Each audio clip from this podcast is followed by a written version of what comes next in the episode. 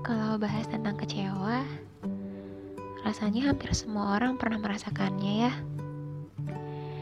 Dan kalau dipikir-pikir, ternyata manusia banyak maunya.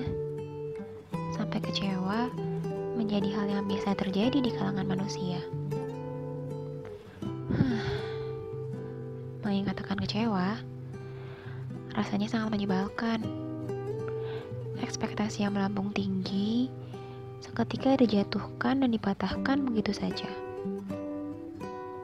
Mimpi indah yang dibangun dalam seribu malam bisa hancur hanya dengan sebaris kalimat. Bajingan.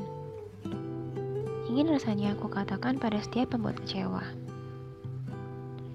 Tapi, setelah aku pikir-pikir, bagaimana aku bisa kecewa kalau bukan pikiranku sendiri yang buat kecewa? Kenapa harus sampai menaruh harap? Kenapa sampai harus bermimpi begitu tinggi?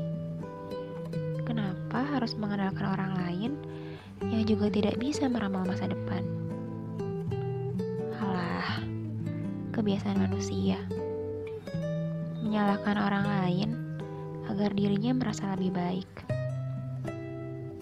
Padahal dirinya tahu harapan tidak akan terasa menyakitkan kalau bukan diri sendiri yang membuatnya melambung tinggi. Jadi, paham kan sebenarnya kecewa itu berasal dari mana? Sulit ya menerima kesalahan diri sendiri. Sama, aku juga.